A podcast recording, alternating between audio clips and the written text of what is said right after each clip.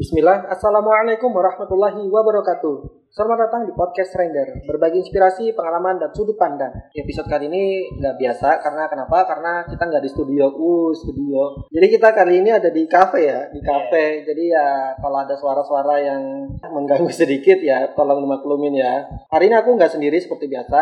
Sekarang sudah bersama dengan Mas Holis. Alhamdulillah. Masya Allah, Mas Holis kita mau bahas apa nih Mas? Kita ingin ngobrol-ngobrol nih Ren tentang gimana sih tips dan trik membangun relasi. Penting nggak sih Mas buat kita? Penting banget ya karena kita dianjurkan untuk menjalin silaturahim nih. Kalau bahasa kerennya networking, network plus king. Rajanya jaringan. Iya iya benar. Jadi networking baru tahu juga ternyata Iya. network dan king ya. Iya. Rajanya Raja jaringan. jaringan. Terus gimana Mas kita kalau mau mem- memperluas jaringan kita tuh gimana?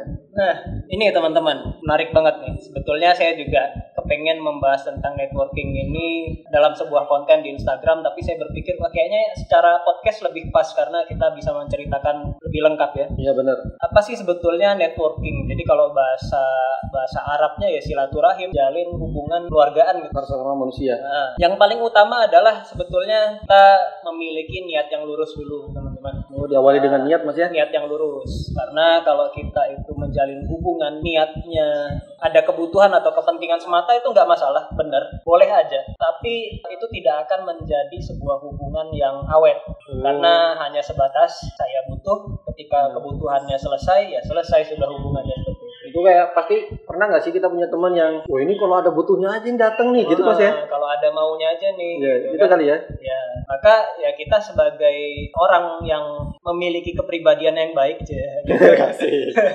maka usahakan kita juga niatnya lurus. Lurus itu apa ya? Kita kalau memang ingin berteman dengan seorang, ya please tolong bertemanlah yang tulus. Memang kita ingin memberikan yang terbaik buat dia dan kalaupun ada yang bisa dia berikan yang terbaik buat kita, anggaplah itu bonus lah. Wah, Jadi kita emang memberi gitu Mas ya. Niatnya untuk memberikan manfaat buat orang lain. Jadi nggak hanya kita mengharap manfaat dari orang lain, tapi kita juga kalau ada sesuatu dari kita yang bisa kita bagi, ya kita bagi ya kan? Yes, that's right. Jadi kita harus fokusnya lebih banyak kita yang membagi, yang memudahkan, yang menolong orang lain seperti. Karena ada hadisnya apa mas ya? Sebaik-baik orang adalah orang yang banyak manfaatnya gitu ya? Ya, itu versi Indonesianya. In Arabic, eh, In Arabic please. ya, khairukum eh, anfa'uhum linnas. Jadi sebaik-baik kalian adalah yang paling baik untuk samanya. Masya Allah. Terus apa lagi nih mas? Itu yang pertama tentang niat dulu ya. Jadi niatnya teman-teman kita semua harus niat yang lurus ya. Niat yang lurus itu adalah fokusnya menjadi manusia yang terbaik. Manusia yang terbaik itu adalah memberikan manfaat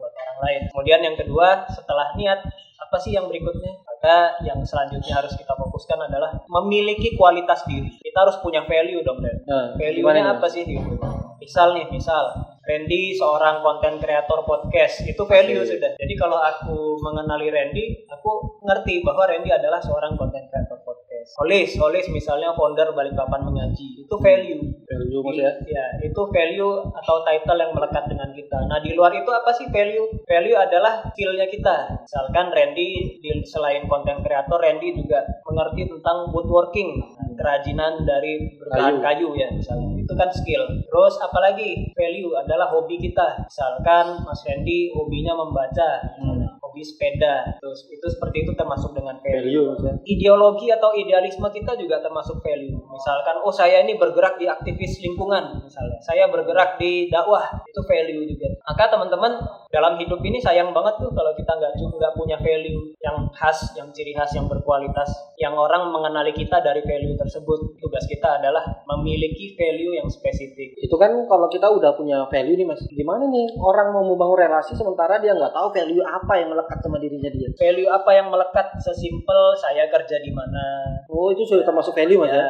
saya kerjanya apa sekarang? Misalkan saya usaha kuliner, itu juga sudah termasuk value. Oh. Saya kerja sebagai admin di PTA, itu sudah sebagai Value. ada lagi seperti ini. Saya lulusan mana? Lulus mana ini? Ya, saya SMK ini Mas, jurusan otomotif. Itu Hmm. juga value sebetulnya. Jadi itu yang menjadi bahan ketika kita masuk ke step yang nomor tiga, yaitu step nomor tiga adalah ini? mengenalkan diri kita siapa kepada orang lain. Jadi mengenalkan diri itu penting mas. mengenalkan diri penting kecuali kita sudah terkenal nggak perlu mengenalkan diri ya kan Iya iya benar. tapi kalau kita belum terkenal ya kita yang harus mengenalkan diri kita. Itu maksudnya gimana mas kita kenalkan diri tiba-tiba kita datang ke orang tuh, eh kenalin dong saya ini gitu kan? Ya. Hai kenalin nih, gue anak sultan. Asik. Ya kan Kayak- kayak gitu. Jadi ambulan ya lewat. ya.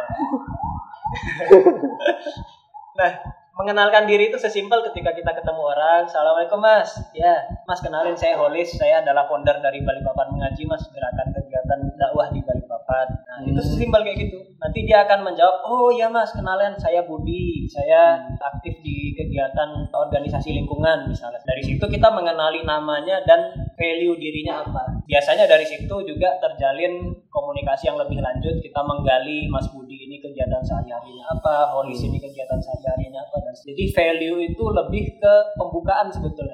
Waktu kita untuk mengenalkan diri lebih enak kalau ada Secara value. internalnya kita udah punya apa yang mau kita bahas gitu ya. Yes. Uh, eksekusinya kita memperkenalkan diri. Yes. Tapi gimana mas kan apa ya nggak semua orang seberani itu untuk memperkenalkan diri. Ada orang yang pendiam atau ada yang biasa anak-anak kenal sekarang tuh introvert. Oh, iya. Gimana ini mas? Kalau orang-orang yang pendiam, maka harus diketahui dulu beliau ini memiliki masalah di dalam dirinya atau di luar diri. Misalkan masalahnya di dalam diri, internal problem.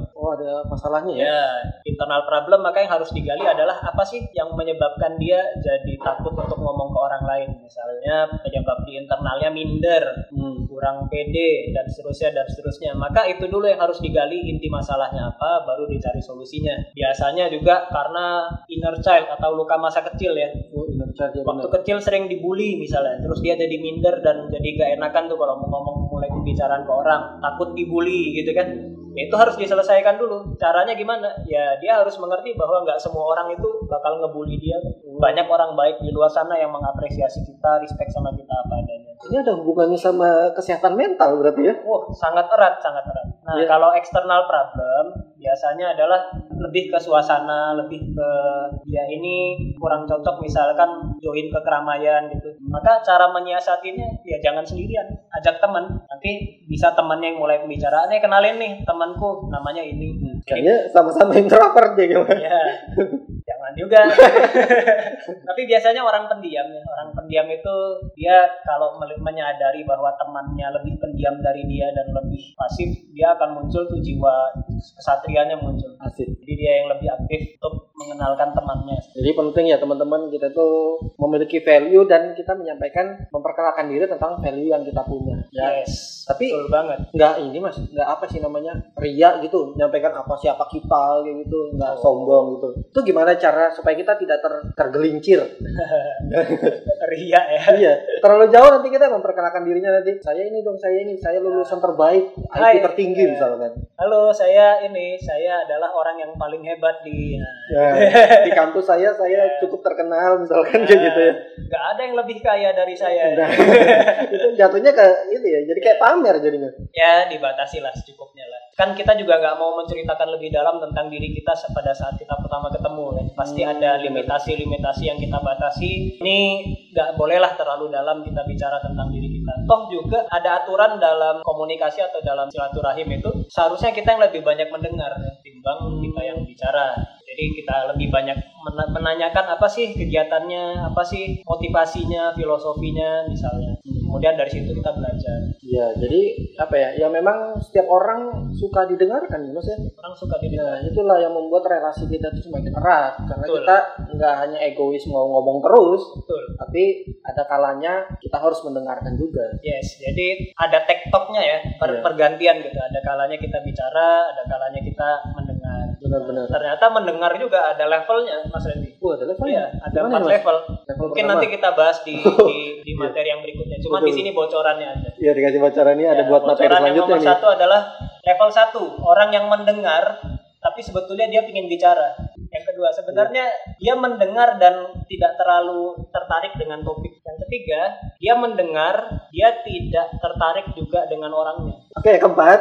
Dia mendengar, dia ingin bicara, dia tidak tertarik orangnya, dia tidak tertarik topiknya dan dia tidak bisa pindah tempat. Oh, gitu ya. Kejebak ini kayaknya. Iya. Iya. Seperti itu. Nanti Itu ada empat level tapi Iya. lebih enak kita bahas di materi yang berikut. empat level mendengarkan ini nanti kita akan bahas di podcast terpisah ya teman-teman. Makanya ditunggu terus kelanjutan podcast ini. Kita lanjutkan ke menjalin relasi tadi mas ya. Hmm. Sampai mana tadi? Kita ini sampai pada memperkenalkan diri. Nomor tiga, kemudian kita mengenalkan siapa diri kita. Simple aja, saya Holis, saya adalah seorang, saya saat ini aktif di, nah, Iya. seperti itu. Saya kerja di sini. Ya, Saya pernah kuliah di sini misalkan. Tapi nggak ini ya nggak ada standarnya. tidak ada standar. Kita lihat juga lawan bicara kita. Ya, Kita mengatakan sesuatu kepada orang yang nggak sesuai. Misalkan orang lagi kesusahan, dalam keadaan sedih, terus kita memperkenalkan kita ini adalah lulusan terbaik dari kampus, itu kan Yes. nyambung maksudnya. Yes, betul kita ada situasi juga ya, Iya. kita memperkenalkan dirinya. Namun skill untuk mengenali situasi itu akan terasah seiring dengan seberapa sering kita bergaul dengan orang lain. Nah ini Jadi skillnya ini nanti akan kita bahas di podcast yang lain lagi. Boleh, boleh, boleh, boleh. Skill untuk mengasah mengetahui situasi dalam berbicara ini Yes. cukup panjang mas ya, jadi mungkin bisa kita bahas di podcast yang lain. Nah, kemudian setelah kita mengenalkan diri kita, tidak hanya kita mengenalkan diri kita, kita juga mengerti siapa lawan bicara kita. Di level yang berikutnya lagi adalah yang kita lakukan, kita berusaha untuk connect. Connect itu berhubungan lebih lanjut dengan beliau. Tapi sebelum connect kita tanya dulu nih ke lawan bicara, apakah dia punya waktu yang cukup panjang? Kalau waktunya singkat, ya cukup minta nomor WA-nya, kemudian nanti bisa ketemu janjian di lain waktu. Saya tertarik nih Mas untuk bicara lebih lanjut tentang proyek hidroponik atau proyek apa pun yang kita lagi bicarain barusan. Tapi saya mengerti bahwa Mas sedang terburu-buru, waktunya singkat dan sebagainya. Nanti kalau kira-kira saya hubungi di lain waktu, kita bikin janjian dan ketemuan membahas ini, boleh ya Mas? Boleh, boleh banget Mas. Baru tuh lain waktu ketemu lagi di kafe di mana, misalnya di masjid, kajian dan sebagainya. Pas waktu senggang kita obrolin lebih lanjut, itu sangat mungkin terjadi yang namanya kerjasama, sinergi dan sebagainya. Oh gitu ya. Ya, Ya, kadang-kadang kan memang ada di suatu tertentu orang lain itu waktunya terbatas gitu ya. Yes, betul banget. Itu ya tahapannya ya. Namun ingat kebiasaan orang ketika awal berhubungan adalah masuk terlalu dalam dalam kehidupannya. Misalkan langsung menceritakan hal-hal pribadi itu Iya. jangan juga dihindari ya. Kalau bisa yang perlu-perlu aja diobrolin. Dan kalaupun memang teman-teman ada yang diinginkan dari lawan bicara entah itu relasinya, entah itu kenalan dan sebagainya, tolong diimbangi juga. Nggak cuma kita yang mendapat sesuatu tapi kita bisa ngasih apa nih ke orang ini Jadi orang tuh nggak merasa manfaatin manfaat aja ya. ya tidak merasa dieksploitasi Benar-benar. kan kita tidak suka ya dieksploitasi orang ya Jadi empat tips itu mas ya untuk kita membangun relasi kepada orang lain. betul betul banget Ada juga diceritakan sama orang lainnya. Jadi kan ada kan tadi kan kalau kita di pihak orang yang berani untuk memulai. yes Aku pernah diceritakan orang yang pemalu nih mas. Jadi dia memberitahu tipsnya bagi yang pemalu itu bagaimana sih membangun relasi. Nah pertama cara tergampangnya ikut komunitas. Ya cara komunitas itu cara cepat cari teman banyak. Kalau malu-malu datang ke komunitas itu datang dulu ke tempat-tempat yang mereka sering kumpul di mana duduk aja. Nanti beberapa hari seling di situ nanti lama-lama ada yang nyamperin katanya gitu. ada yang ngajak betul. kenalan. betul banget emang di komunitas juga ada tuh orang-orang yang join pengen gabung tapi nggak tahu mau ngomong apa gitu karena ada hambatan di internal dalam dirinya itu kan Ya benar. tapi nggak apa-apa sering-sering aja dan banyak-banyak aja join komunitas dengan sendirinya akan melatih diri kita untuk berani bersosialisasi Oh, masya Allah ini ilmu sangat luar biasa ini membangun relasi di zaman sekarang ya sangat penting sekali. Secara umum cukup itu tentang membangun relasi. Yang penting bukan ilmunya, tapi prakteknya. Repeat make perfect. Yes, Practice of repetition.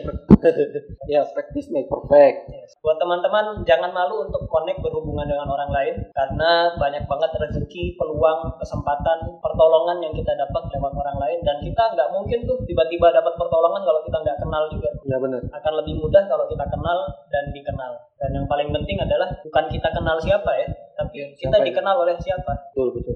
Oke, sekian teman-teman podcast kali ini. Wassalam.